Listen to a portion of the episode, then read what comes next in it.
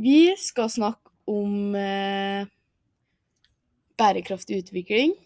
Og i norsken så har vi fått en oppgave om å lage eh, en saktekst om et tema innenfor eh, bærekraftig utvikling.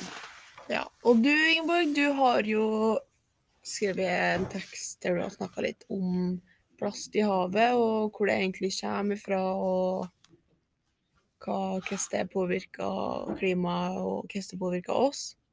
Ja. Og eh, det jeg fant ut, det var Det sto veldig mye forskjellig. For det, det er jo Folk tror jo forskjellige ting. Det er noen som tror at eh, det meste kommer ifra båter som eh, slapp Eller som kaster søppel i havet, da. Og det er jo delvis sant, det. Men det er òg en del som tror at uh, det ikke bare er de eh, båtene som har skylda, men at uh, det kommer ifra forskjellige elver.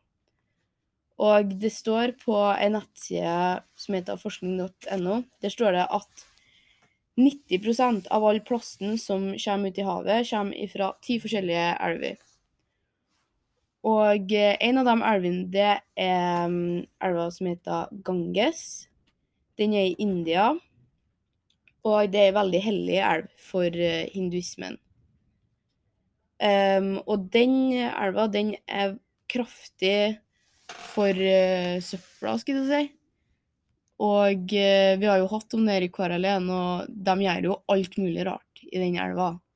De, de bader, de Noen drikker det. De Altså, de tisser, bæsjer, de Ja, de Når folk eh, har daua, så brenner de dem og tømmer asken i den elva.